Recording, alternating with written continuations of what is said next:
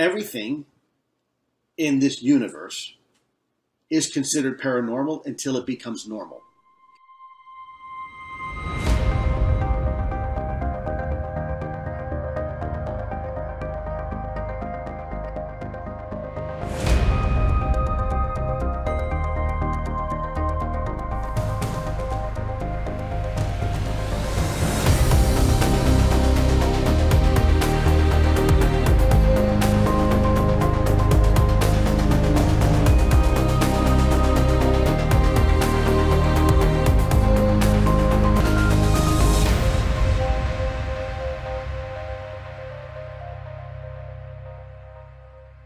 Christopher Mellon, född 57, är född in i den mycket inflytelserika och eh, förmögna familjen Mellon.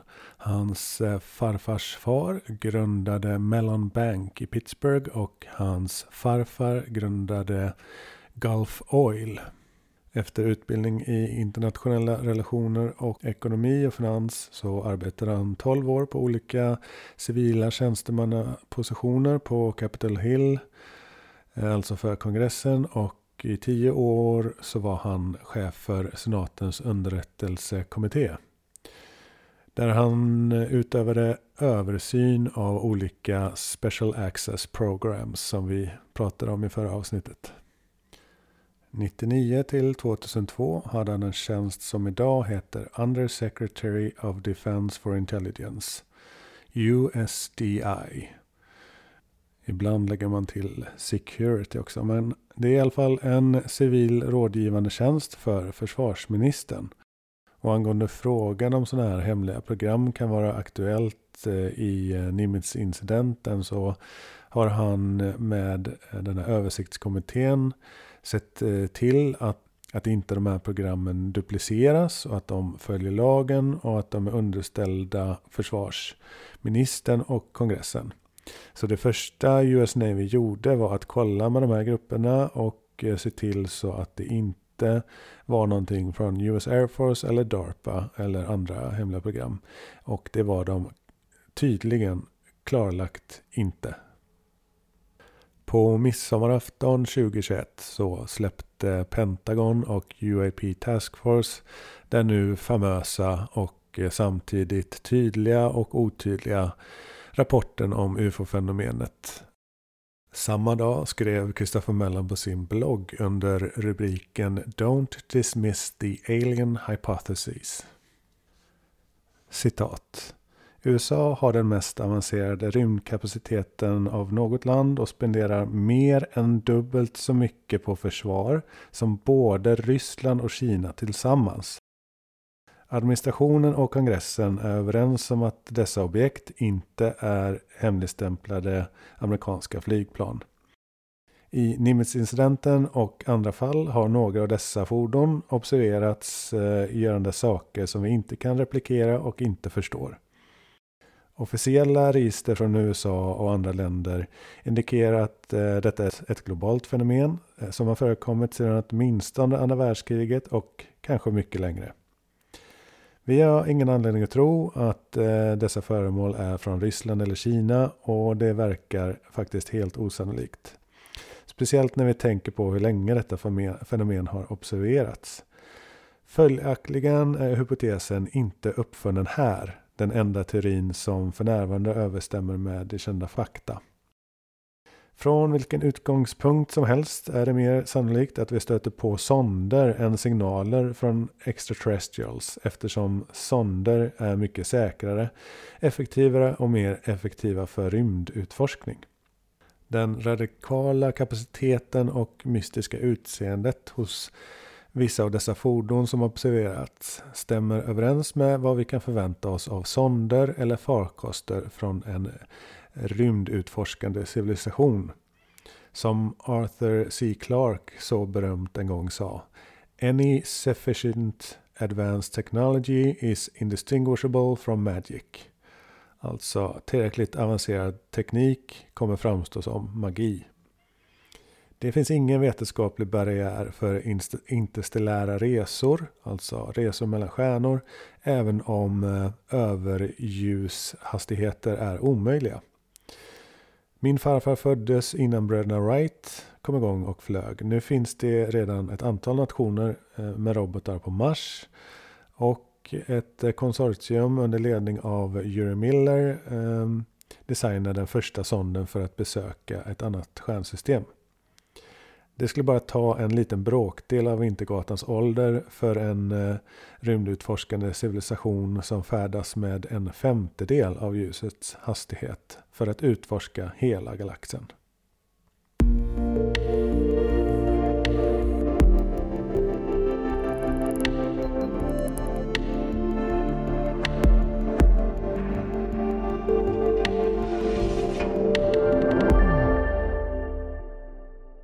Hej Peder! Hej Thomas! Hur står det till i universum? Eh, jo, jag tror det är ganska lugnt i universum. Jag hoppas det i alla fall. Ja. Rätt bra. Du, har du koll på James Webb och hur långt den har kommit? James Webb är framme nu faktiskt. Mm. Så nu har den kommit hela vägen. Ja. Eh, ganska fantastiskt. Den har klarat så många single points of failure. Och är nu eh, på plats. Men nu ska den då eh, låta alla instrument svalna av. Det kommer ta ett tag. De är fortfarande lite varma. Eller varma och varma. Beror på hur, hur man ser på saken. Men Mm. de ska ner några grader till i alla fall.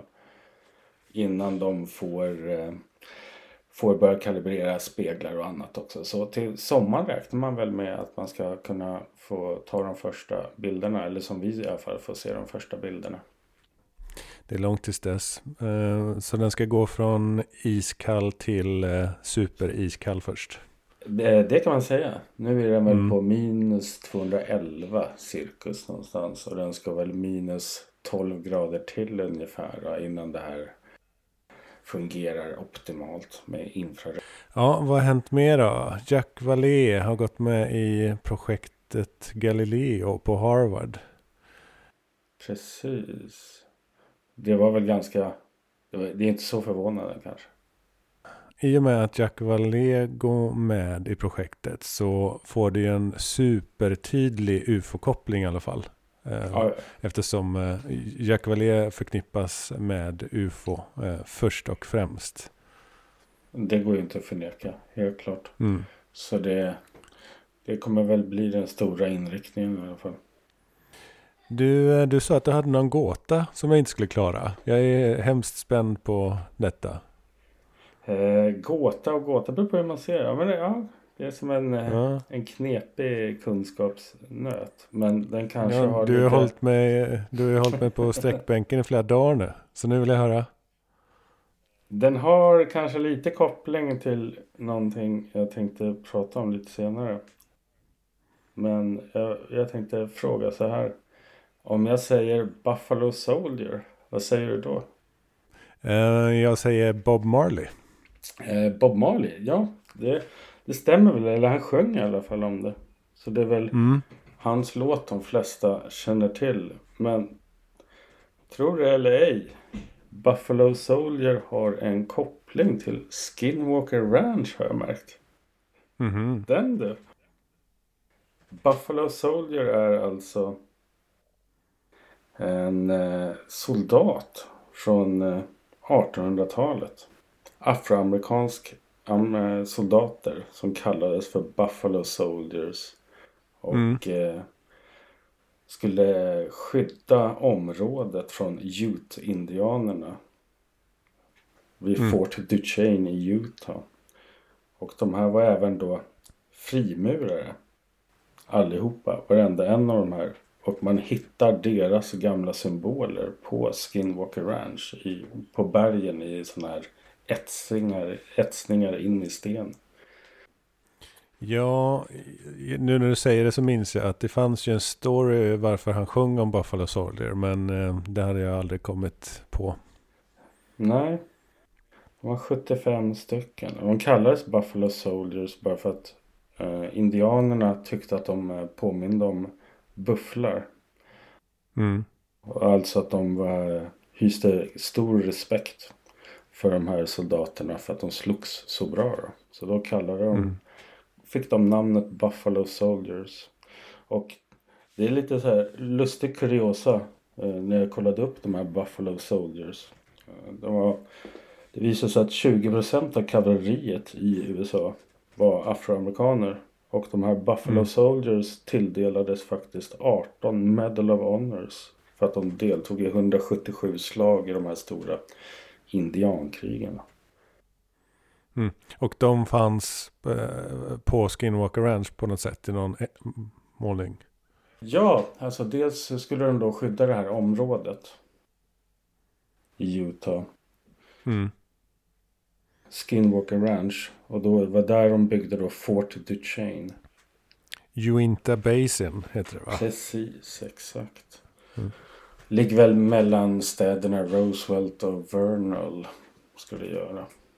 Och där ligger även Fortichain. De här soldaterna, Buffalo Soldiers, de eh, begravdes även där. Eh, och det visar sig senare, ironiskt nog, så har alltså natives, eller de här som bor kvar nu, indianerna, det visar sig att de byggde så här bostäder ovanpå deras begravningsplatser. Ja, det ska väl vara eh, hemsökt minst sagt på olika. Precis. ja.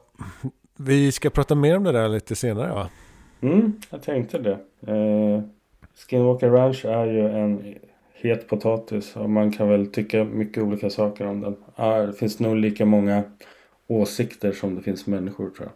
Mm. Men det jag tänkte var att vi kunde titta på historiken i alla fall. Och vad som Mm. sägs kanske har hänt och vad som vissa säger sig ha upplevt. Absolut. Ja, i övrigt då. Innan vi går tillbaks till Skinwalker så Ja, en stor snackis i ufo-världen är ju Linda Moulton House besök hos Kurt Jamungle eh, på Theories of Everything. Där han, det känns lite som att den här Linda Moulton Howe var ju en prisad journalist innan hon kom in i eh, ufologins värld. Och eh, nu har det gått några decennier, rätt många decennier. Och eh, det känns lite som att hon kanske har tappat greppet om den journalistiska ådran minst sagt. Eh, och här i den här intervjun så skedde det en eh, uppenbar krock mellan Eh, Kurt som gillar eh, bevis och eh, en eh, förnuftig, sansad eh, vetenskaplig metod och eh, hennes senaste journalistiska påståenden. Där hon bland annat lagt upp en bild från ett tv-spel och påstått att det var en äkta bild på ett hemligt rymdprogram med den utomjording eh, och sådär. Men eh, hon, lockade folk att eh, köpa någon tjänst för att läsa om det. Och de flesta såg att det här var ju en bild från ett tv-spel och inget annat. Och, det är ett känt tv-spel dessutom. Så. Ja, så hur hon, ja, ibland så har jag hört henne publicera anonyma brev också som källor. Och det är kanske inte helt, jag vet inte om hon skulle gö- gjort det för 40 år sedan. Men det gör hon nu för tiden i alla fall. Eh, brev som kan komma från precis vem som helst. Men hon blev väldigt stött av att bli ifrågasatt. Eh, vad säger du, hörde du intervjun? Jag tyckte det var helt, helt schyssta frågor ändå. För det här har ändå varit en, en stor fråga. Gällande Mm. den där bilden. Eh, och hon tar genast taggarna utåt. Och det skulle hon som du sa också inte ha gjort för länge sedan. Hon var ju riktigt bra i början som journalist. Men sen är det Mm. som att det har... Hon har tappat mycket sista, sista åren tycker jag. Mm. Eh, på trovärdighet och, och kanske hur man jobbar seriöst. Ja, det är ganska tydligt att det finns ju många eh, som har varit i ufologins värld eh, i flera decennier som eh, har tappat lite eh, ödmjukhet kan man väl säga. Och eh, inte van, blir inte ifrågasatta av Nej, jag deras tror det, akter. det, det kan vara den största utmaningen tror jag. De har alltid fått stå på pedestaler nästan. Ja. Och fått, fått säga egentligen vad som helst utan att man har kontrollerat kanske eller ställt tuffa frågor. Mm. Det blir svårt kanske när den här nya generationens unga människor som är ganska kunskapstörstande ställer ganska hårda och tuffa frågor. Och rakt på sak helt enkelt. Mm. Det blir inte som att sitta på en UFO-konferens och berätta om ett eget valt ämne. Nej, precis. I det här fallet så handlar det ju helt klart om pengar. Eh, som måste ha påverkat henne. Eh, och, precis som eh, ja, Greer. Vi vet ju att han tjänade extremt bra som en flitig kirurg på någon intensivvårdsklinik. Eh, och sen när han valde att endast syssla med ufologi så hade han vant sig vid ett ganska, en ganska stor inkomst och hade flera barn som han var tvungen att försörja. Och eh, då började han eh, tappa greppet om... Eh, och lite konstiga avtal då, då när man skulle följa med på hans expeditioner som steg kraftigt i, i pris dessutom. Ja, tyvärr finns det. Men det är bra att de här eh, auktoriteterna ifrågasätts. CIA eh, har nu sagt att eh, Havana syndrom, eh, Havana-syndromet inte är ett resultat av eh, någon utländsk eh, makt. Och Havanna-syndromet är alltså eh, personer som får olika symptom, eh, tinnitus, yrsel, illamående de har jobbat på olika ambassader och det är ju inte bara amerikanska ambassader utan även Kanada och några länder till har drabbats. Och man vet inte vad det här är. Man trodde eh, från början när personalen på amerikanska ambassaden i Havanna drabbades att det var Ryssland eller Kuba såklart då med någon slags eh, mikrovågsteknik. Men nu säger CIA det vi har misstänkt att det handlar inte om någon eh, kampanj från någon hostile power, säger de. Eh, det har ju inte nödvändigtvis med UAP att göra. Men eh, ja, vad säger du Peder? Ehm, bevisa, alltså det är ganska väl dokumenterat att det här är, är någonting okänt, en okänd effekt.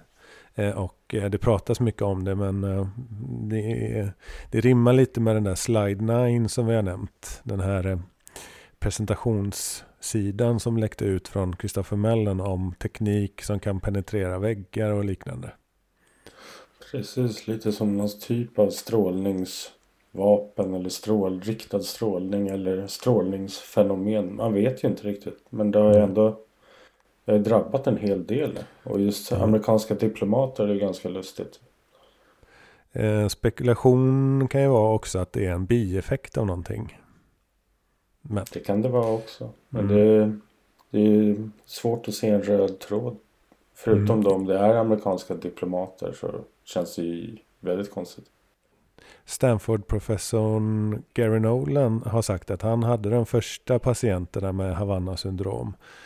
Och det var kopplat till en studie av biologiska effekter på ehm, eh, militär personal, amerikansk militär personal eh, som hade haft med ufon att göra. Så där finns en koppling.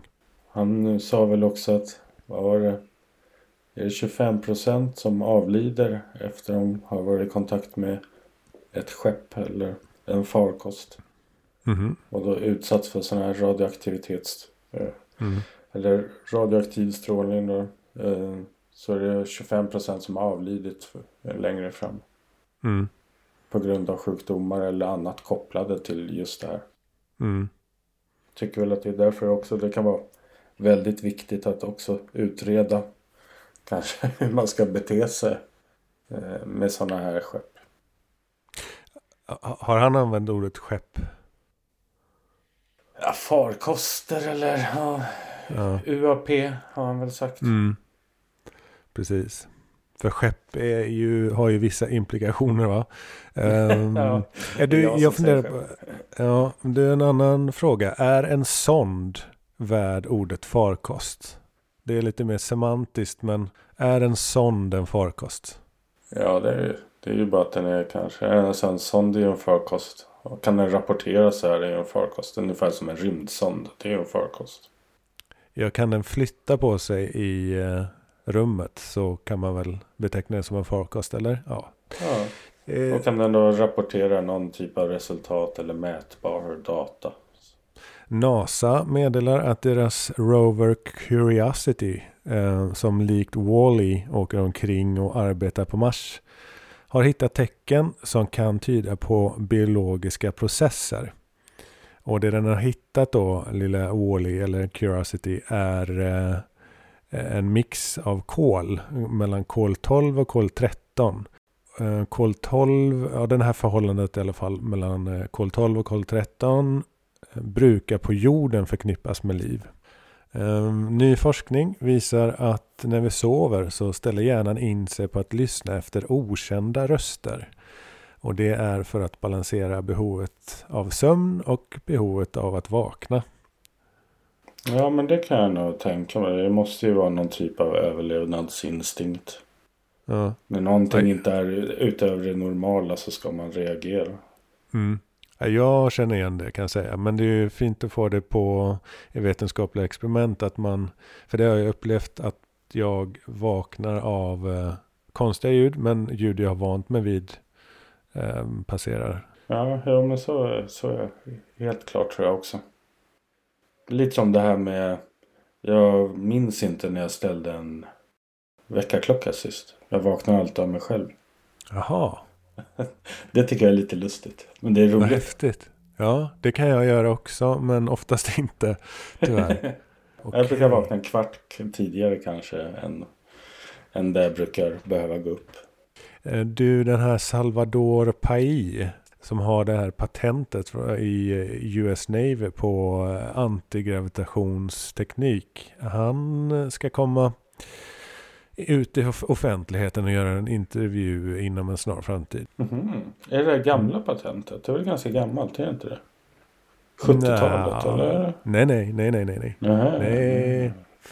Det är det, eh, US Navy patent om en triangel med antigravitationsteknik Ja, ja, ja. från Då är jag med. Då är jag med. 2000-talet. är det. Eh, Det gick ju en vända om så här gamla, gamla patent på anti-gravity. Eh, från Patentverket. Men det är ju sån här som... Folk tar ju patent på vad som helst bara för att skydda en idé. Sen om det finns någon produkt eller någonting bakom. Det är inte så ofta det finns det alla gånger. Ross Coulthard har ju dykt i det här och eh, då var det så att man ifrågasatte från Patentverket ifall det här patentet faktiskt funkade. Och då ifrågasattes det och svarades, eh, garanterades då från någon eh, högre chef att jo, det fungerar.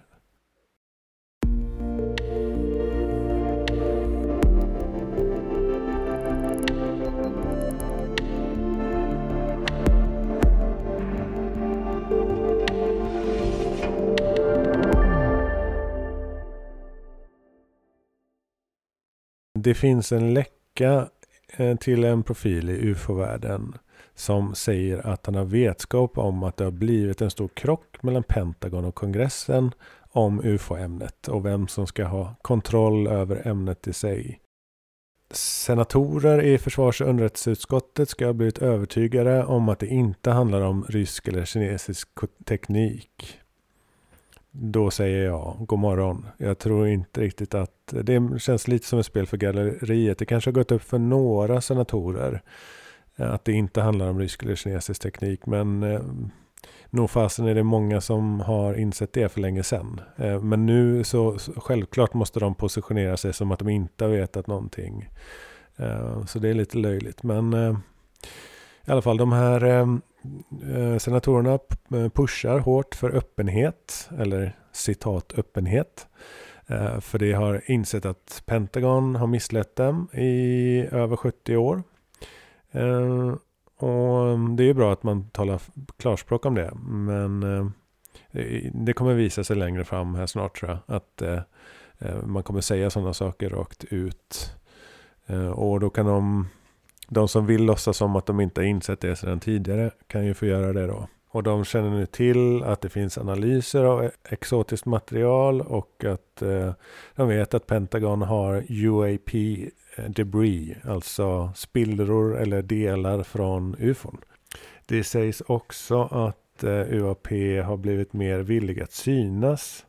Att de kvardröjer mer och låter sig filmas på eller fastna på till exempel FLIR. Detta bekräftas av eh, Christopher Mellon och Louise Elizondo. Så det ryktas, det bubblas om att eh, det har skett någonting och att man har eh, lättare kunnat filma med FLIR. Det är det jag känner till i alla fall. Jag vet inte om det är någon annan källa än just FLIR-kameror som det gäller. Men eh, det, det är vad som sägs. Det är det jag kan eh, säga att jag har hört i alla fall. Ja, jag hörde något också när det gällde de här, när filmerna runt fartygen läckte av Jeremy Corbell.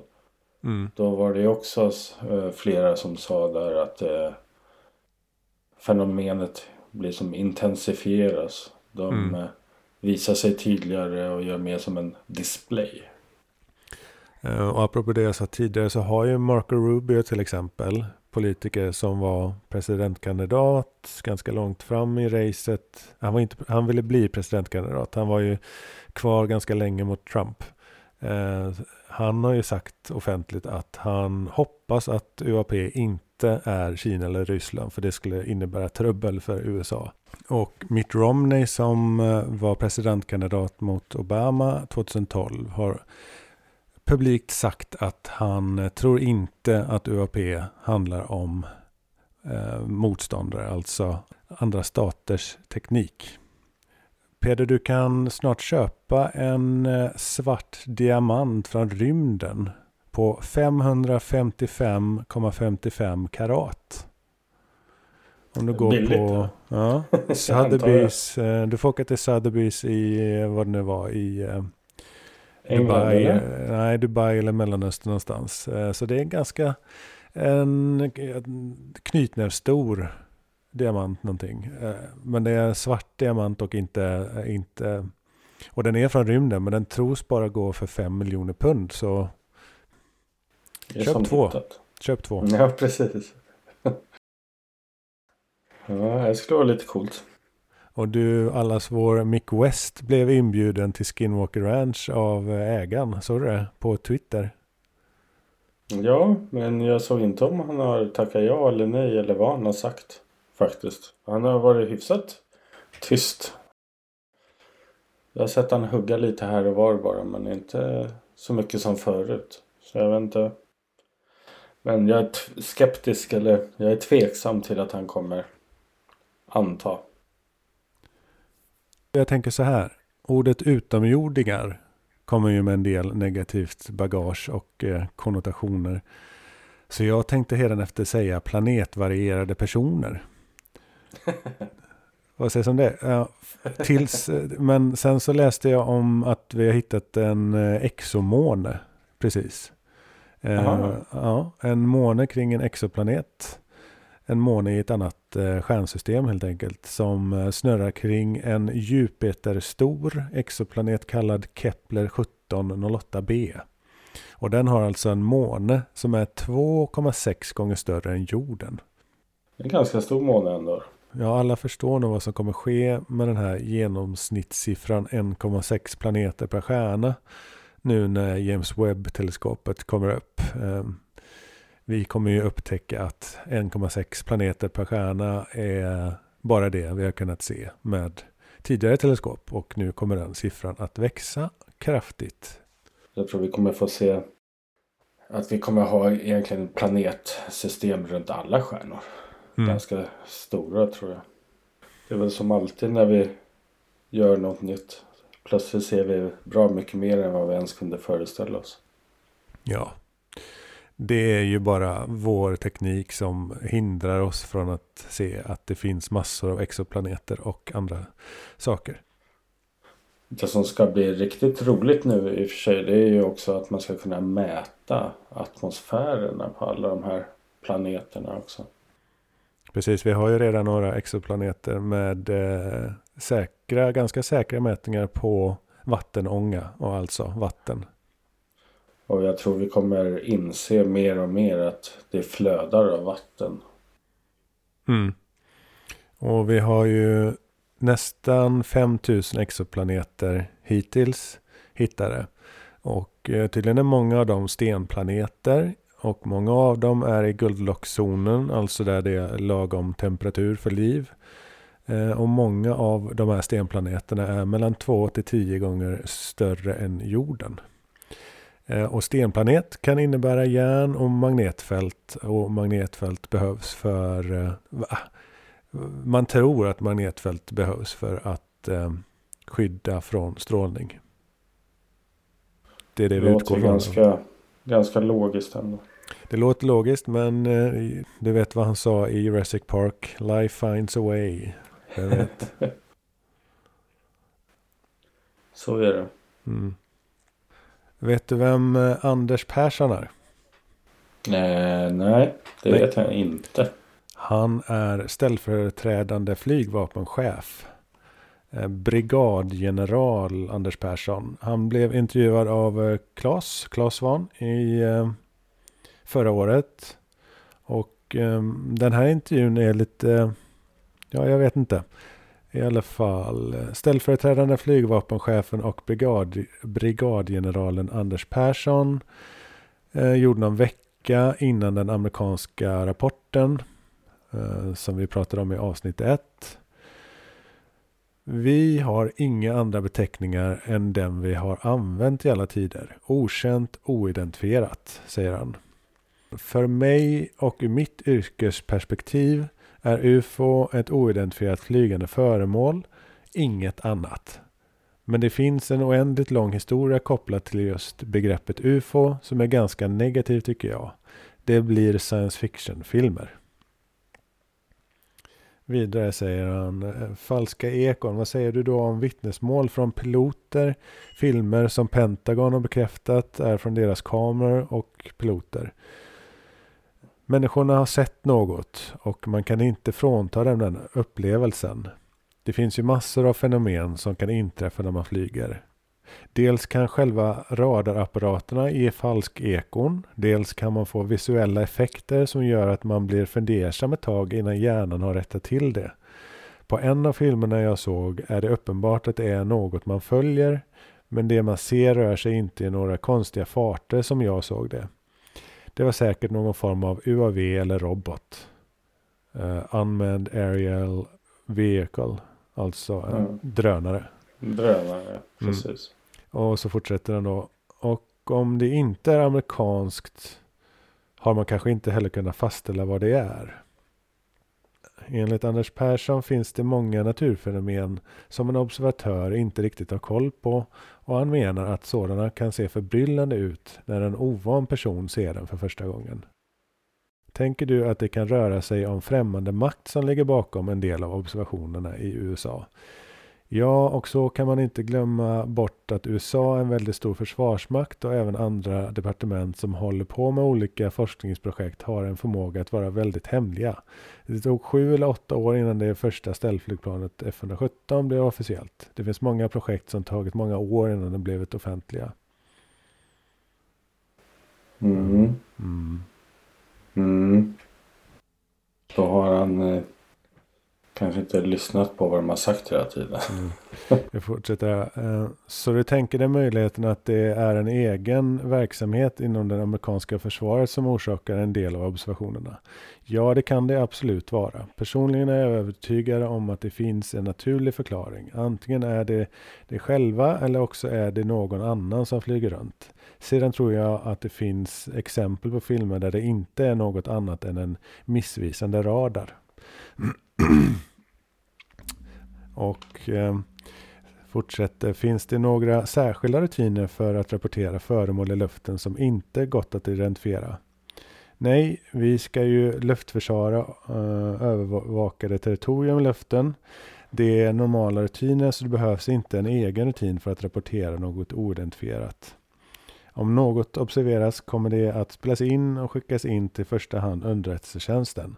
Sådana exempel som jag har sett från USA skulle rapporteras in den vanliga vägen. Det finns ingen särskild rapporteringsväg för sådant. Skulle någon låsa sin radar på ett föremål som beter sig konstigt skulle det gå in till våra underrättelsefunktioner. Claes frågar, har ni något samarbete med USA när det gäller de här svåridentifierade sakerna? Inte i det här perspektivet. Vi har ett väldigt gott samarbete med US Air Force i andra frågor men inte i den här specifika frågan. Det har vi inte, inget särskilt forum för. Och sen pratar de om ifall folk ska rapportera det de, om de ser någonting konstigt och då tycker han att de ska rapportera eh, om de ser någonting i vattnet för det behöver Försvarsmakten hjälp med ifall folk ser någonting eh, under ytan. Eh, och då fortsätter artikeln. Men du säger inte att folk ska rapportera detta till Försvarsmakten. Nu gäller det flygande föremål. Eh, svarar han nej. För jag är ganska övertygad om att det blir en så otroligt stor mängd falska rapporter, om du ursäktar, att det finns en risk att man skulle överbelasta systemet. Eh, några oidentifierade flygande föremål rör sig inte över Sverige enligt den ställföreträdande flygvapenchefen. Enligt honom är siffran noll sedan år 2000. Aha där ser man. Mm. Ja, Alltså jag kan inte läsa det på något annat sätt än att han eh, inte ser UAP, UFO-fenomenet som eh, fakta. Att det, att det är någonting. Om det är någon som borde veta så är det väl vårt flygvapen. Vi vet att vi har flera oidentifierade föremål varje år i Sverige. Mm. Mm men det kan ju vara så att de inte har sett något sedan 2000. Men eh, att han inte tar ämnet på att det, att det existerar. Eh, vad, vad beror det på? Är han, han borde inte vara dåligt informerad. Eller? Nej, eller så är det ju att det, det är ganska dött i Sverige på den fronten mer eller mindre. Man tycker ju kanske att man borde ta det på större allvar när eh, amerikanska militären har gått ut med det. Det var väl egentligen det alla väntade på att USA skulle tillkänna ge någon typ bekräfta det här på, något, på något sätt. Då, Men eh, ändå så är det ju fruktansvärt tyst i, i Sverige. Då. Det har väl varit lite men, men det här är ju Men det här är ju vice flygvapenchefen. Ja. Hur kan han... Är han ärlig tror du? Eh, ja, jag tror han kan vara ärlig. Jag tror inte han har... Men då är han dåligt informerad. Eh, ja. Det som är lite konstigt i det hela det är ju den här presentationen som Louis Elizondo höll. Där de sa att han samarbetar med olika länder. Och på den sliden så fanns svenska flaggan. Danska också tror jag. Mm. Så antingen ljuger han och bara låtsas som att han inte vet någonting. Eller så är det faktiskt att han inte vet någonting. Mm. Ja, Elizondo sa väl att de här länderna med de här flaggorna hade UFO-undersökningsprogram och då var Sverige ett av dem.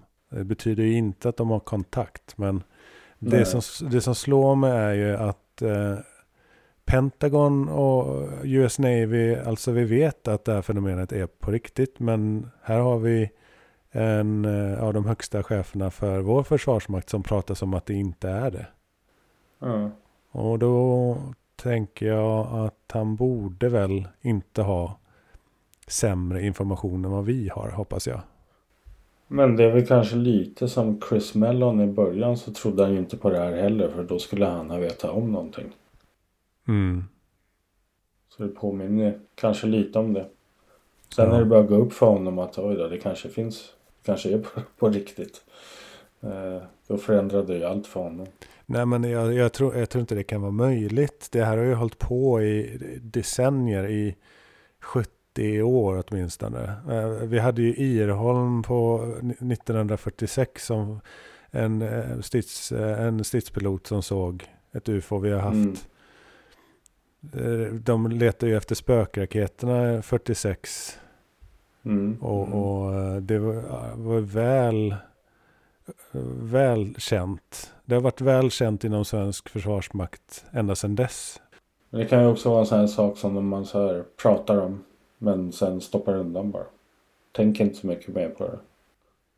Tror du det kan vara så? För, kanske, kanske blir för jobbigt att tänka på eller Sverige är ändå ganska men, Ganska konservativa sådär. Ska Försvarsmakten hålla på på det viset? eh, nej, de ska inte. Men eh, de kanske gör. Tror du det? Jag ska inte bli förvånad. Kanske. Det är, jag, jag, vill inte, jag vill inte tro att de är så enormt eh, oproffsiga. Så att de re, resonerar på det där sättet. Vi får, jag hoppas verkligen att de inte är så Ja, jag, jag vet jag, inte. Jag, jag, jag, kanske tror att hon kan vara så oprofessionell. Ja, nej. Jag väljer att tro att han inte är ärlig faktiskt. Hela intervjun finns att läsa i UFO-aktuellt.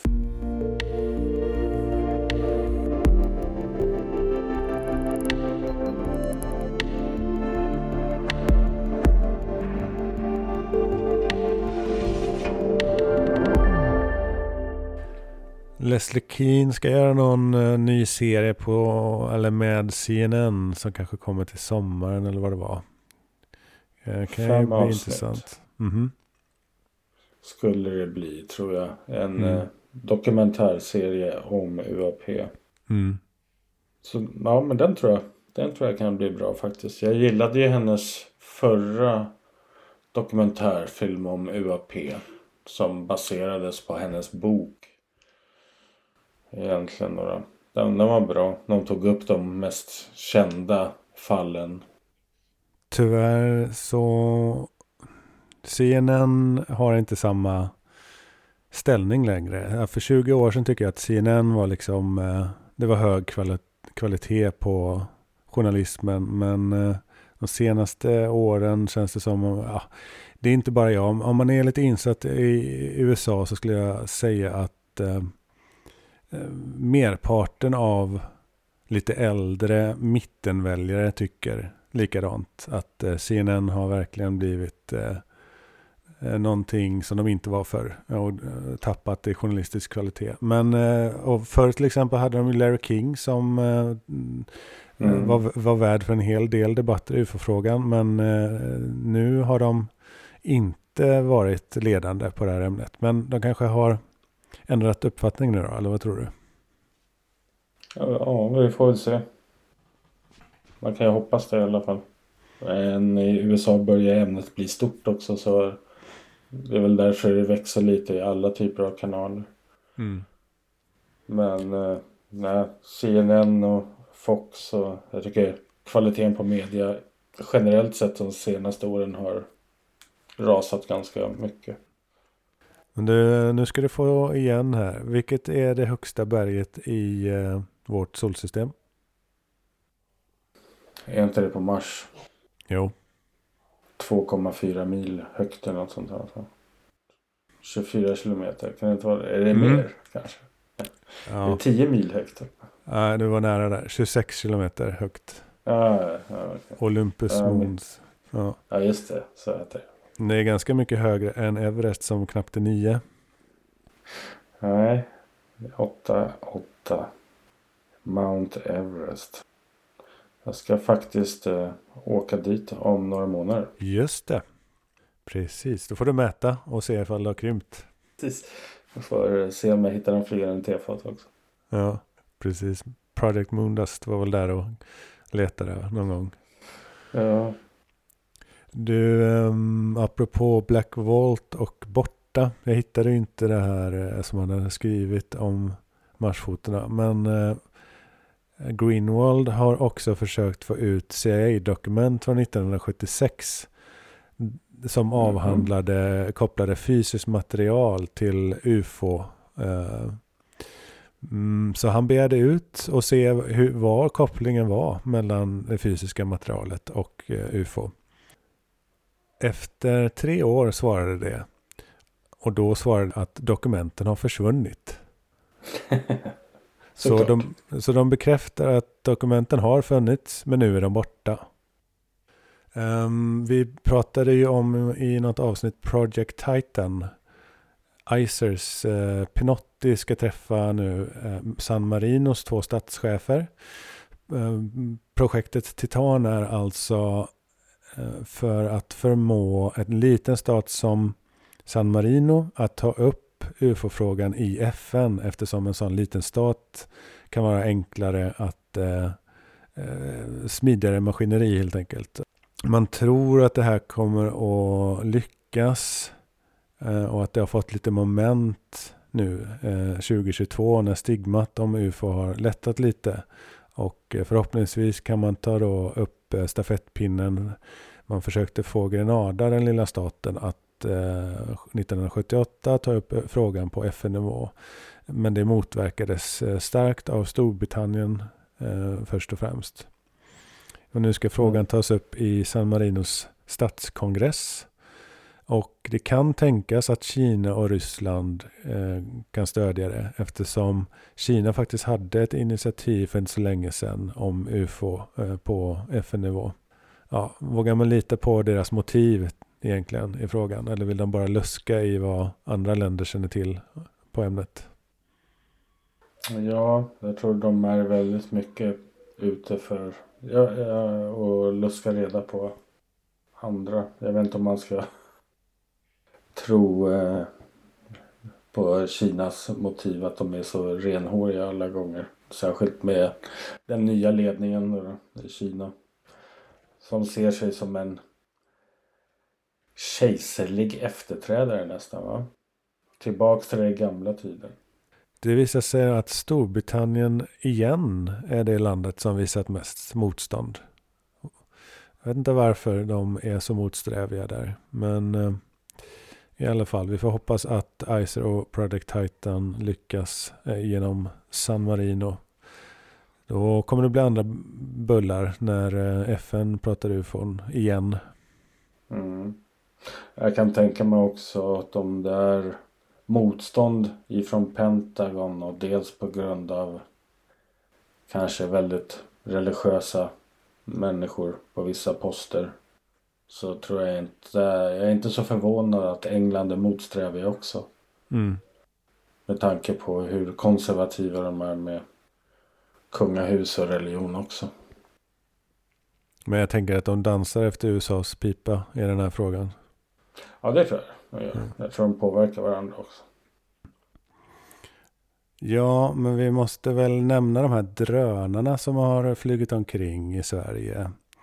Eh, det har setts drönare över kärnkraftverk eh, och Fors Ja, just det, över Stockholm. Det började väl i, i november var det någon eh, piloter helikopterpiloter i Norrtälje som såg något. Och så var det drönare vid en flygplats i Kiruna. Och sen eh, över Forsmark och Ringhals.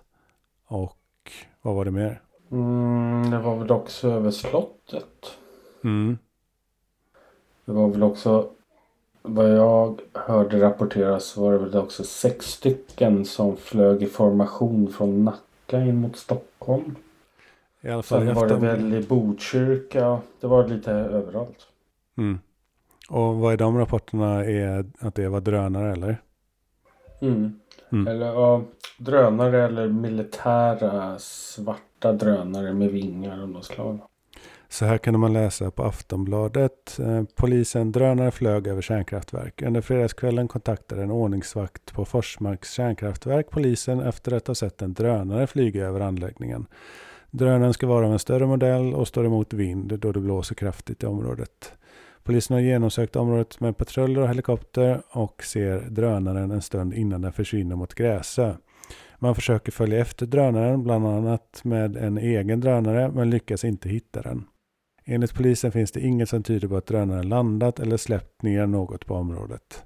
Enligt uppgifter till polisen befann sig föremål även över Ringhals och Oskarshamn samtidigt.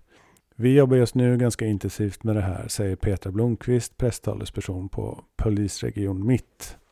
En anmälan om obehörig tillträde till skyddsobjekt, brott mot luftfartslagen och olovlig avbildning av skyddsobjekt har upprättats.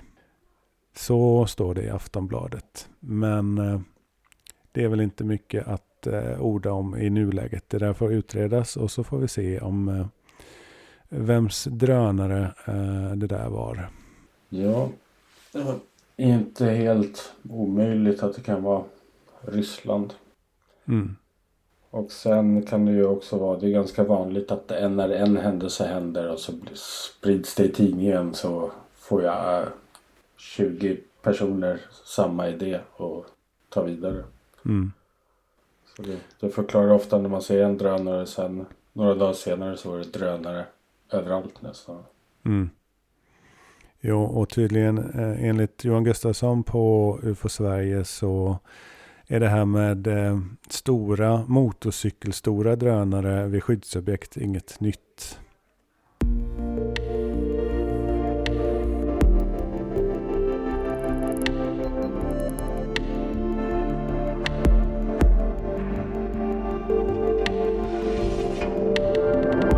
Du, lite, jag tänkte fylla på lite om Kenneth Arnolds observation som vi berättade om för ett par avsnitt sedan. Totalt eh, den dagen så var det sju eh, rapporter från olika ställen i Washington State. I Bellingham klockan 10 rapporterade en eh, George Clover eh, tre stycken disks eh, tefat eh, eller disk när han renoverade huset. Han sa att det lät inte som motorer och hans fru var med och eh, såg samma sak.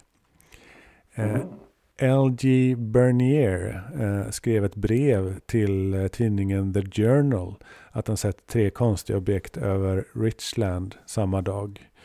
Han tror att de var en del av en större formation och de flög nästan på kanten mot Mount Rainier en halvtimme före Arnolds observation. Och den här skogsfaktorn jag nämnde som stödjer eh, Arnolds observation. Han var vid eh, Diamond Gap några eh, mil söderut när han såg någonting ovanligt som flög i luften. Söder om Mineral, ett ställe i Washington som heter så, klockan 15 såg Sidney Gallagher nio stycken skinande objekt flyga över i samma tid som Kenneth Arnolds observation. Och i eh, Spanaway där eh, gjorde Mary Hartwell en observation av nio stycken silverfärgade Yes som hon trodde. Men eh, mm, det var definitivt flygplan sa hon. Hon, hon tyckte de såg ut som Yes men hon, hon sa att det måste vara ett flygplan. Men i alla fall eh, kan peka i samma riktning.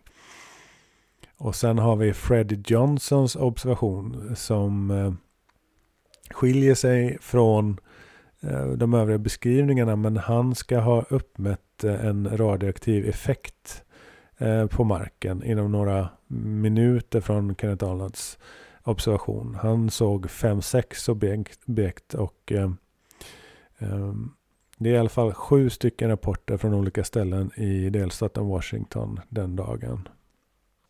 Det är ganska många ändå. Då är det ju som en typ av UFO-flap. Ja, ja. Det var det verkligen. Det började, började i den tiden, den här eh, disk-crazen. Du, vi har fått en lyssnarfundering via Spotify om eh, hur skulle världen reagera på kontakt i citattecken. Hur skulle våra ledare ta hand om ett, ett eventuellt möte med ET politiskt sett? Och eh, skulle vi göra som eh, med andra arter, förstöra dem? Ja, det är en rolig spekulation. vi... Eh, Självklart är det svårt att säga om. jag tror inte att det är som jag tror inte att det är som kanske när världen, eller världen, när USA, när man i USA gjorde en radioteater, Orson Welles, med världarnas krig. Och folk fick panik och skulle fly från stan. För de trodde att det var på riktigt. Eh, nu har vi kommit så långt teknologiskt sett och när man tittar på framförallt yngre vad de växer upp med, med virtual reality och andra världar så tror jag det är inget konstigt. Så jag tror själva grundkontakten kanske kommer bli som en eh, Ja, lite som när Corona kom. Lite snurrigt i början. När det går upp för folk att det här är, oj nu är det på gång. Eh, sen tror jag det kommer lägga sig rätt fort. Och man, man vänder sig och går vidare. Men sen kommer det alltid finnas en klick människor som har svårt med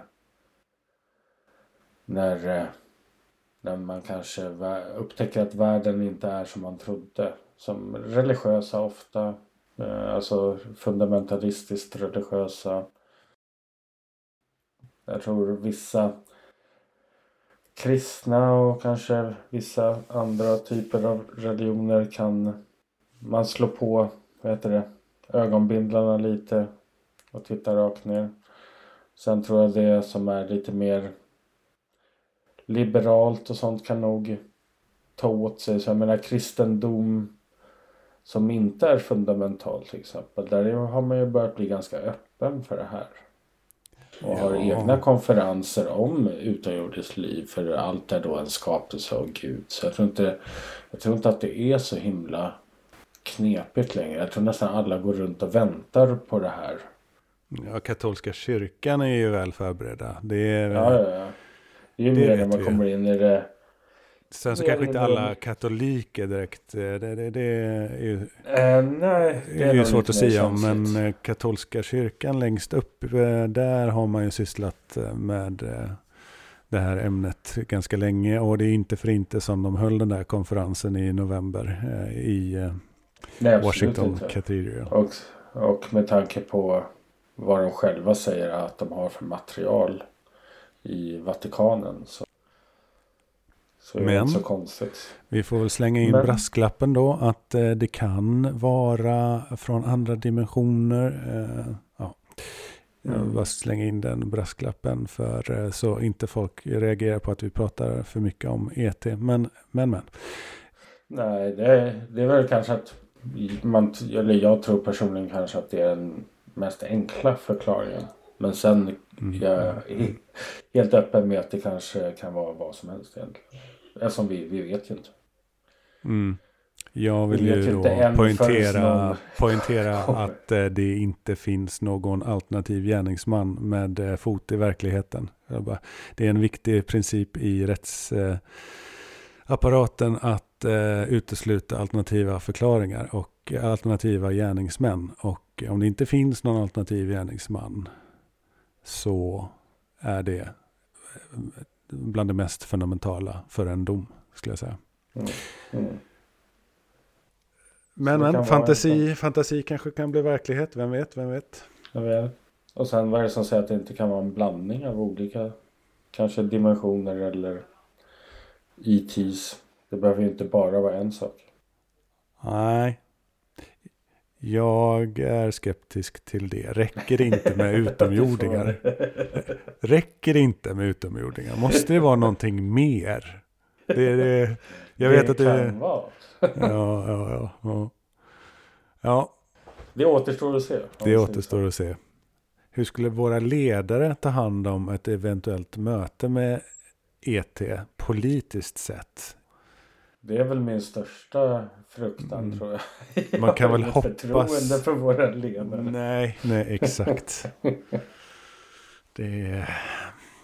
Det är väl där skon klämmer tycker jag. jag. Jag tror att de kommer vara jävligt, jäkligt vilsna. Kanske. På många sätt. Eh, men det är de i vanliga fall säger du. Så det är inget nytt menar ja. du? Mm. Nej, det är inget nytt. Utan jag tror de eh, Mm. Det är som det är. Mm. Men det, det är eh, politiskt så, eh, jag hoppas bara att, de, att det inte görs partipolitik av det. Men det är väl bara en tidsfråga. Annars är det här ämnet ganska fritt från eh, politik, eller hur? Ja, det tycker jag. Då borde man nästan se som man brukar göra med sport. Det ska inte ha med politik att göra. Det här mm. är ändå en filosofisk idé och en tanke som har ja, nästan plågat människor sen så långt vi kan minnas. Mm. Nu är det bara är det kruxet att eh, sport håller på att bli mer och mer politiskt eh, i och med eh, olika bojkotter eh, som kan vara aktuella där det kan misstänkas att ehm, det har begåtts mutor för att få fotbolls-VM och OS och eh, extremt dåliga eh, villkor för arbetare, 6 000 personer som avlidit i jobb med olika arenor för fotbolls-VM eller vad det nu är. Eh, så det, det blir mer och mer politik i sporten. Det blir det helt klart. Och det är för att det finns så oerhört mycket pengar. Och oerhört mycket pengar gör så att folk alltid blir korrupta. Och eh, politiker blir alltid korrupta. Så det är min slutsats. Så det är min personliga tanke. Så, mm.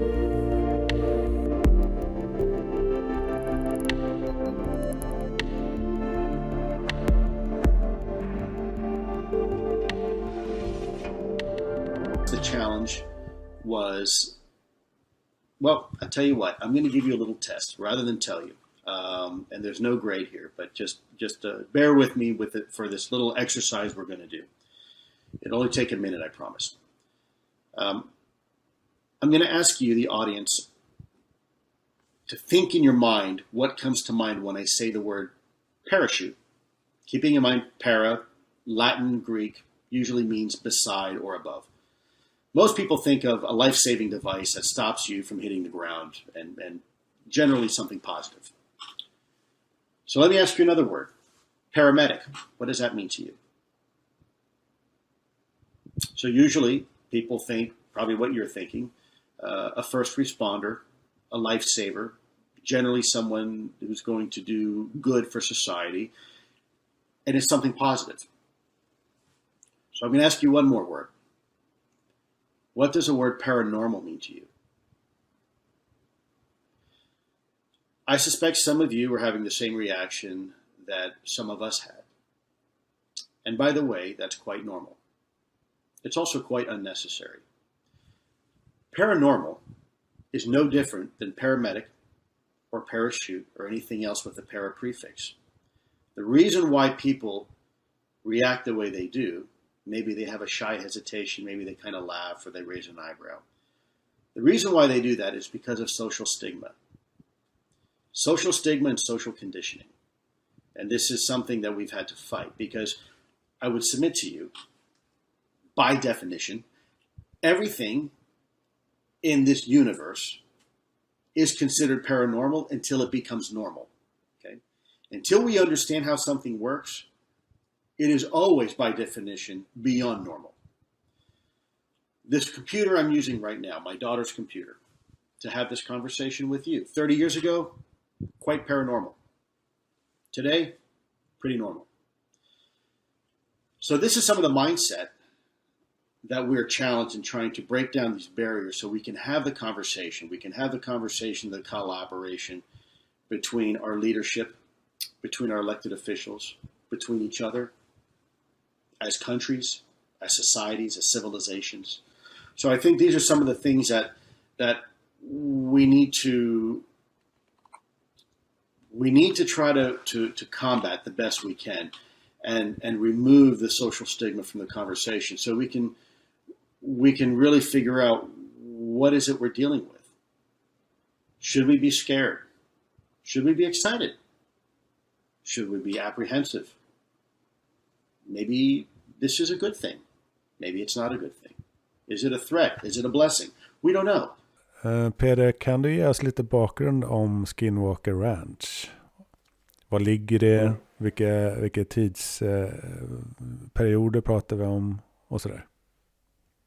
Uh, det skulle jag absolut kunna göra. Jag har grottat lite i Skinwalker Ranch eftersom mm. det är en uh, het potatis. Ja. Eh, men eh, den intresserar väldigt många människor. Så jag tänkte att det kunde vara lite kul att gräva lite i det här. Och vad ja, som är det, är. Innan du sätter igång, det, känner du som jag ungefär när jag sitter med Roswell? Eh, att du nästan bor på Skinwalker Ranch mentalt? Precis. Ja, lite så faktiskt. Eh, nu finns det inte så mycket information om Skinwalker Ranch dock. Mm. Eh, men däremot så eh, när man grottar ner sig så är det som att man är på plats nästan lite grann. Mm. Vart ligger detta då? Det här ligger i Utah. Vad blir det? Södra USA? Mellan södra USA kanske man ska säga. Sydvästra brukar man säga. sydvästra. Mm. Eh, och där finns det då en plats i Utah mellan två städer som heter Vernal tror jag. Och men Ross, någonting, something, something. Eh, och mitt mellan de här städerna ligger också eh, Fort Duchesne som jag pratade om innan. Och där har vi ett område som kallas för Skinwalker Ranch. Eh, och där finns då den här ranchen som är väldigt omtalad för att det ska hända väldigt mycket konstiga saker. Eh, så det är lite som material för en modern skräckfilm. Eller det har till och med blivit en skräckfilm. Fruktansvärt överdrivet och har inget med den verkliga historien att göra. Men och, det, och, man har... Eh, Uinta Basin, vad är det för någonting då? Mm. Ska jag säga, det är som en dalgång, berg, slättområde. Eh, man använder det så mycket som eh, ranchområde idag. Eller förut, eh, för ett tag sedan. Då. Och sen eh, strax i den här Uinta Basin som det kallas så eh, är det också ett område där eh, tre indianstammar um, eh, höll till.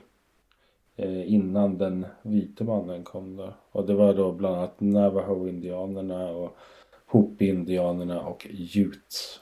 Som de kallas, Jute-indianer. Mm. De här alla tre indianstammarna har haft den här legenden om Skinwalker. Så det är därifrån namnet kommer egentligen. Och den här Skinwalker det är alltså en ond häxa eller medicinman kanske man ska säga. Eh, så de, har, de är väldigt rädda för den här så kallade eh, varelsen.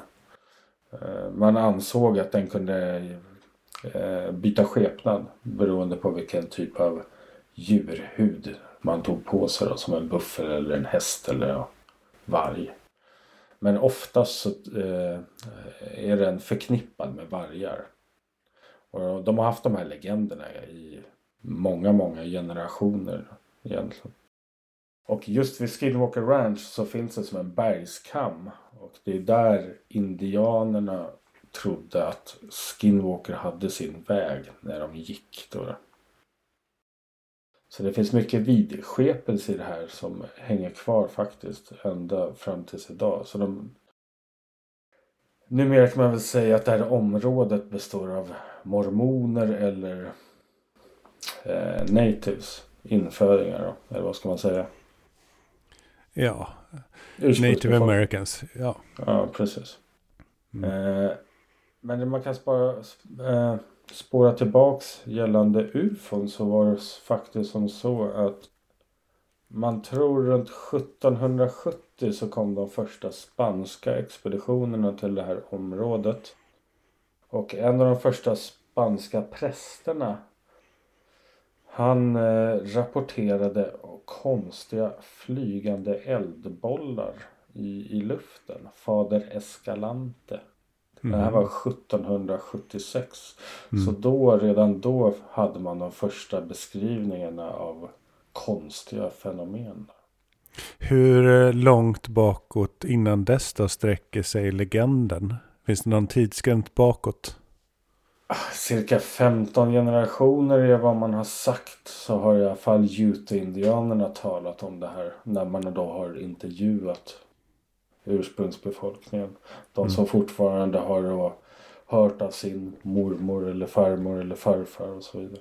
Mm. Så just Skinwalker-legenden har ju då funnits så långt man kan minnas egentligen kan man säga. Okay. Ja. Men just den här när nybyggarna kom då, då och sen då var det just fader Escalante som beskrev sina dagböcker när de kom med sina prärievagnar. Mm. Om de här konstiga eh, eldbollarna. Men kanske i modern tid så eh, man kan kalla den här Utah att det har kan vara en UFO capital of the world nästan. För det har varit väldigt mycket sightings. Så eh, faktiskt på 50-talet så var det en lärare som hette Junior Hicks. Han var lärare i vetenskap, eller vad säger man på svenska? NO kanske man ska mm. säga. Typ. Mm. Han hörde talas om ett fall eh, där det var då 30 studenter och läraren som såg en landad, en stor, stor cigarr som har landat då. på marken på dagtid. Med avståndet på 50 fot cirka. Det är väl inte så långt. Vad är en fot? 30 centimeter va? Mm. Så kan det vara. 20 meter.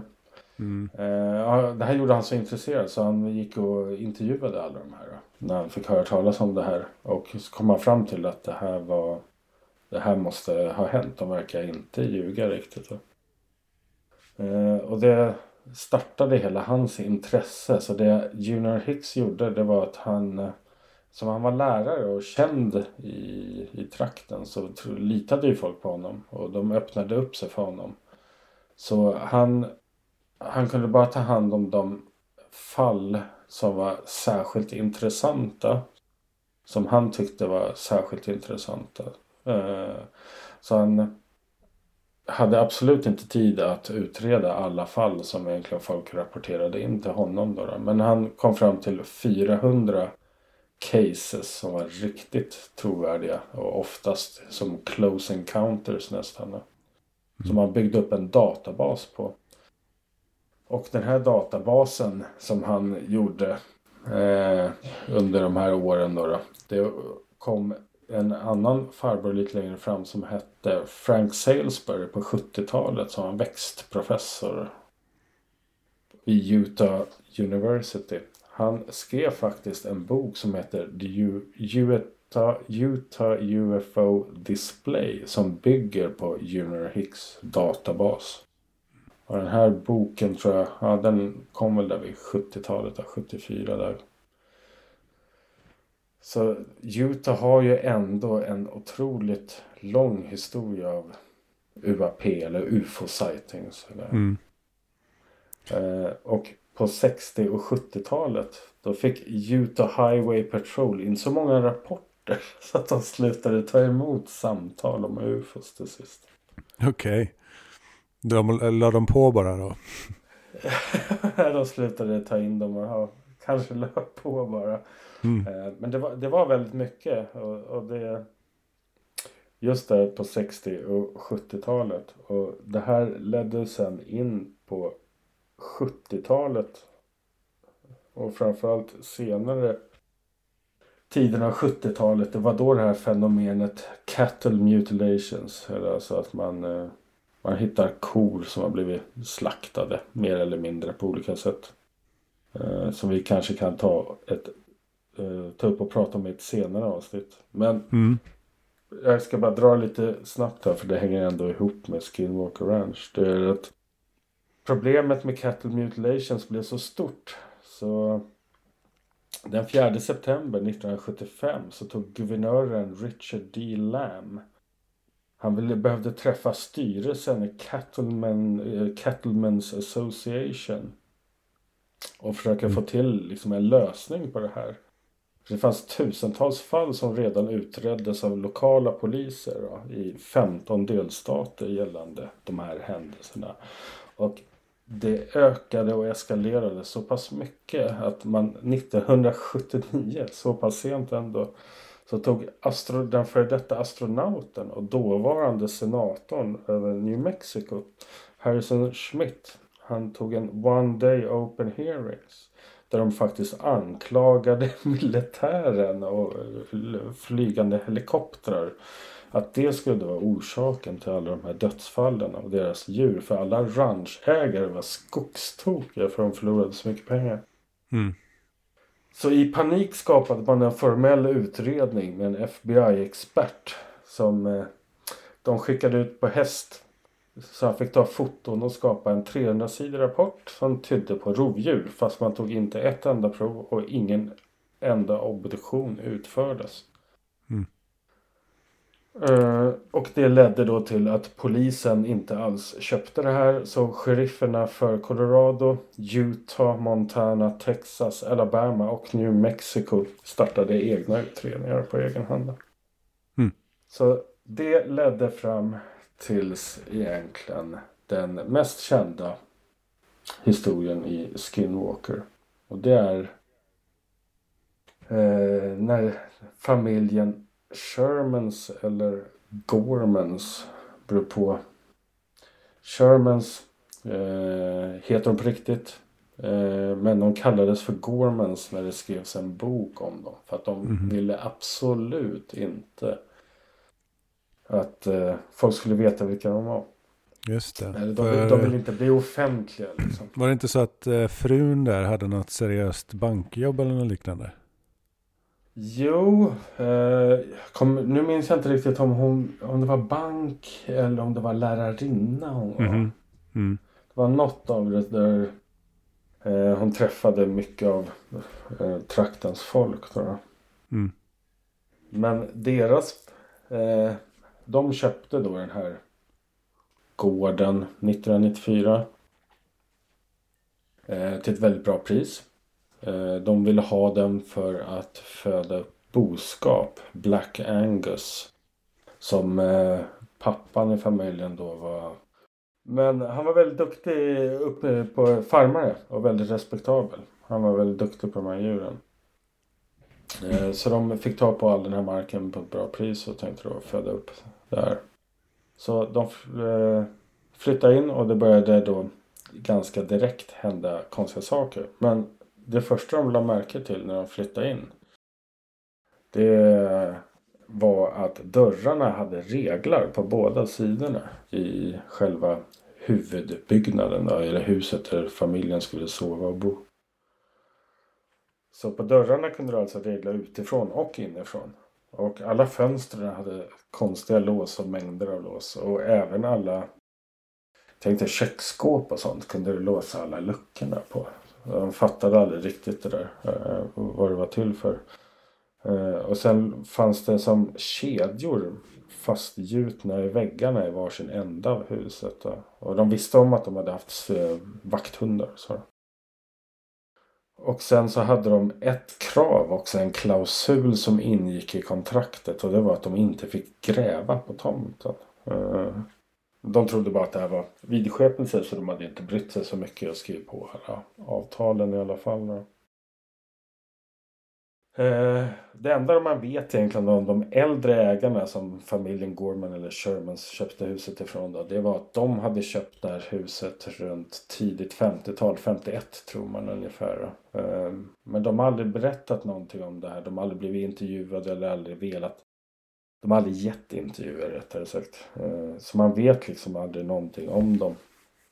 Ehm, förutom just vad Gormans eller Shermans har berättat. Eh, Och det som började hända när de flyttade in då på 90-talet. Det var att det första som händer som är det då. Det är den som eh, man kallar för Wolf. Alltså varghändelsen. Och det är alltså när, när de här flyttar in och har då fått in sin, eh, har hämtat sin boskap. Och ska flytta in med sin boskap så kommer så ser de att det kommer som ett stort stort djur längre bort. Ser ut som en stor hund ungefär. Då. Som sakta sakta kommer närmare och närmare. Eh, de kan inte de tror också att det är en tam varg som har rymt från, från någon granne eller eh, någon i närheten. För den verkar ändå ganska lugn. Men så fort den här vargen kommer eh, nära den här lilla vad ska man säga, buren eller boskapsstaketet då, där de har sina eh, kalvar. Så hoppar han och hugger tag i en sån här kalv och ska liksom försöka dra ut den. Eh, Så han tar först en 357 Magnum och som han då säger sig avlossa tre skott med. Eh, Utan att den här vargen ens blir påverkad. Och det de säger sen det är att alltså sonen i familjen springer in och hämtar då ett jaktgevär medan pappan då försöker slå, sparka bort den här vargen så de försöker slita ut den här kalven. Och han försöker då avlossa ett par skott och den här vargen ger då upp och börjar sen lunka sakta därifrån. Men verkar helt oberörd och in, ingen blod eller någonting. Och de försöker sen då följa efter den här vargen.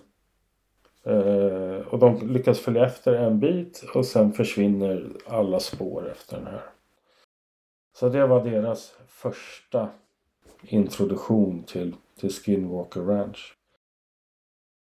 Och sen de kommande veckorna så börjar det här eskalera i olika eh, typer av, jag vet inte vad man ska säga, paranormala händelser eller high strangeness eller ja.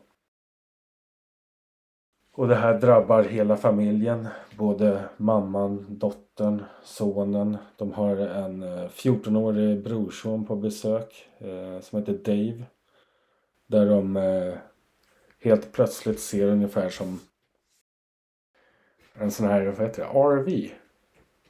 Vad är det som en husbil typ? På ägorna och de undrar vad fan men eh, en sån där kan ju inte bara köra in. Hur har vi kunnat missa det här? Det måste vara för ungdomar som har kört fel eller någonting. Så de ger sig ut och börjar jaga de här lamporna. De ser som, det ser ut som två framlampor och två röda baklampor. Men helt plötsligt så, fan de kör rakt genom staket fast det märks ingenting. De har ingen motor eller något liknande. Och sen efter ett tag så tror man att de har liksom, ja men nu, nu kan de inte köra längre för det är liksom trädlinjer där. De kan inte ta sig, kan inte köra igenom skogen. Eller, är det mörkt eller? Ja, ja, det här är på kvällen så det är sent ja. på kvällen. Så de ser inte någon, uh, något fordon utan det är lampor de ser? Nej, det är, de följer efter ljusen bara. Då, ja. Så det, det de ser är och, ljus eller? Precis, och en form. Mm. Det är därför de tror att det är som en husbil. Mm. Men sen helt plötsligt börjar den här då uh, åka upp i luften och sen åka över träden. Oops. Och det är då de börjar inse att det här är något. Det här verkar ju vara något helt annat. Då. Uh, och det knäcker då den här Dave. Så uh, han blir inte tillåten att... Han åker hem och blir inte tillåten att återvända. Så länge de bor kvar på den här farmen av sina föräldrar. Mm. och de här fenomenen utvecklar sig eh, mer så att eh, hela familjen ser också flertalet gånger som en portal som öppnas på samma ställe ungefär varje gång. Eh, jag tror de hade räknat med ungefär ett dussintal gånger under ett par års tid hade de sett som en stor portal som en nästan som en sol som en stor orange eh, cirkel i himlen. Och eh, han då, Tom, pappan i familjen, hade då haft, han hade sin favoritutsiktspunkt. Och en gång när den här så kallade portalen som han säger att han såg dök upp så använde han ju då sitt gevär och för att kika på den här och det var då han berättade då att det såg ut som att det var det här var på kvällen eller på natten men det han såg när han kikade in i den här portalen det var som att det var som en annan himmel där inne. Det var därför han trodde att, att antog att det kunde vara någon typ av portal. Eh, mellan två världar som han beskrev det då. då. Men han, nästan under hela den här tiden så han var väldigt paranoid över militären. Han var nästan övertygad hela tiden om att det här är militära experiment och de testar hemliga vapen och sånt. Och så han, han vill ju bara att någon ska komma och bevisa att militären gör något fuffel så jag vill ha ersättning för det de har förstört. Mm. Så han hade inga egentligen tankar på, på att det kunde vara något annat. Då. Men under de här åren så sker det konstiga som poltergeist-fenomen. De kunde vara ute och bygga staket med en sån här staketborr. Sätta i en pinne, vända sig om för att hämta nästa pinne, titta tillbaks och så är den här stora borren eller då är den borta. Den kunde de sedan hitta högt upp i ett träd. Det kunde vara eh, flertal incidenter med sådana här varglik, stora, stora vargar. De hade tagit fram sen och pekat ut de här vargarna och det man kunde se då var att de överensstämde med det de kallar för en direwolf, alltså en, typ en urtidsvarg som fanns för länge sedan. De har väl funnits va? Visst har de det? De har funnits. De har funnits då. Alltså det... På riktigt alltså? Mm. Ja, precis. precis. för att eh, Visst var, hittar man någon köttslamsa med hår på? Efter eh, Ja, det var den, för, den första, precis, den första vargen. Eh, det var när han sköt med geväret sen när den nästan var på väg därifrån. Då sköt han bort en köttslamsa av den här vargen som han tyckte luktade väldigt starkt av av musk. Av något. Mm. Och visst var det så ja. att eh, de tappade bort den? Eller de säkrade aldrig den eller någonting sånt? Va? Nej, precis. Nej. Utan de, de kunde följa spåren en bit bort och sen försvann spåren i tomma intet. då.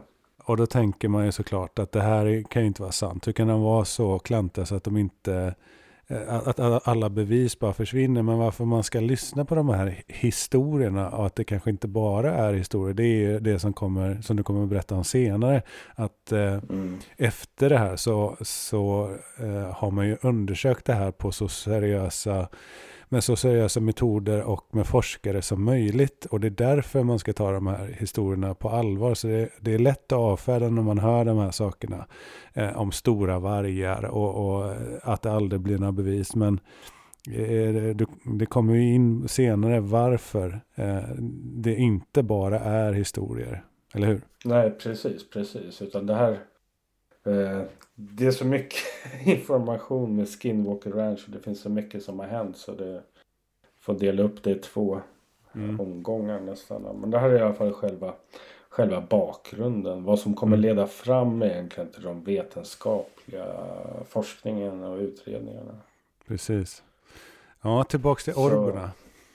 Tillbaka till orberna. Jo, eh, orberna var ungefär, beskrev det storleksmässigt ungefär som två till tre gånger större än en baseball.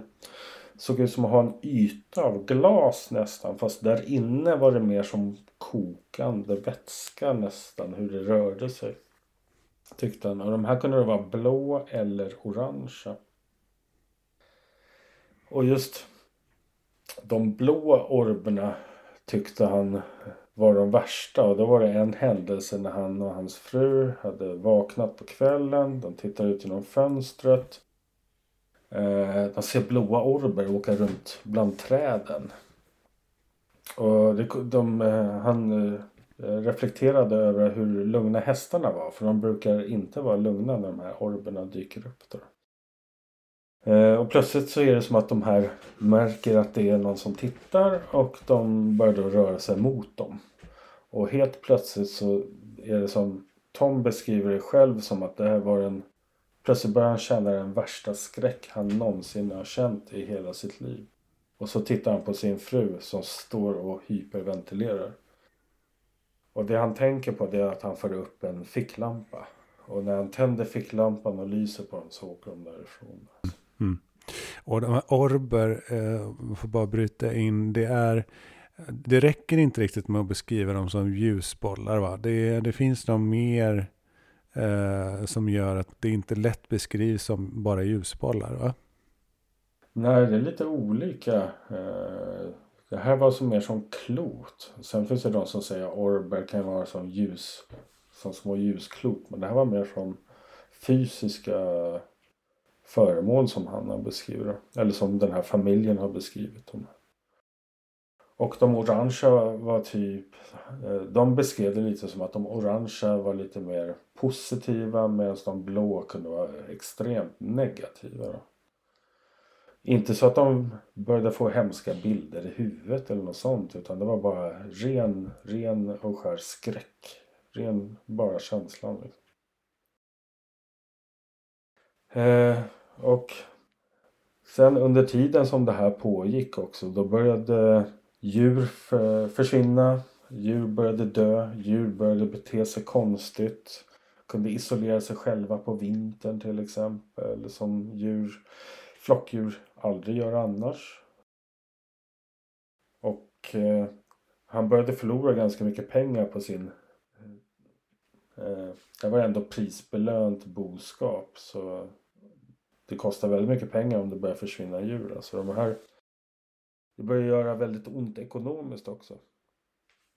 Så, men det som egentligen eh, fick, fick dem att ge upp om man ska se det så. Det var just de här blåa orberna. För det var, det var en gång när de här blåa orberna kom och han släppte sina vakthundar. Så vakthundarna springer fram till de här blåa orberna och försöker hoppa och fånga dem. Men då sticker, då sticker orberna in i skogen. Och hundarna jagar efter. Och då fattar Tom att det här kanske inte var så bra.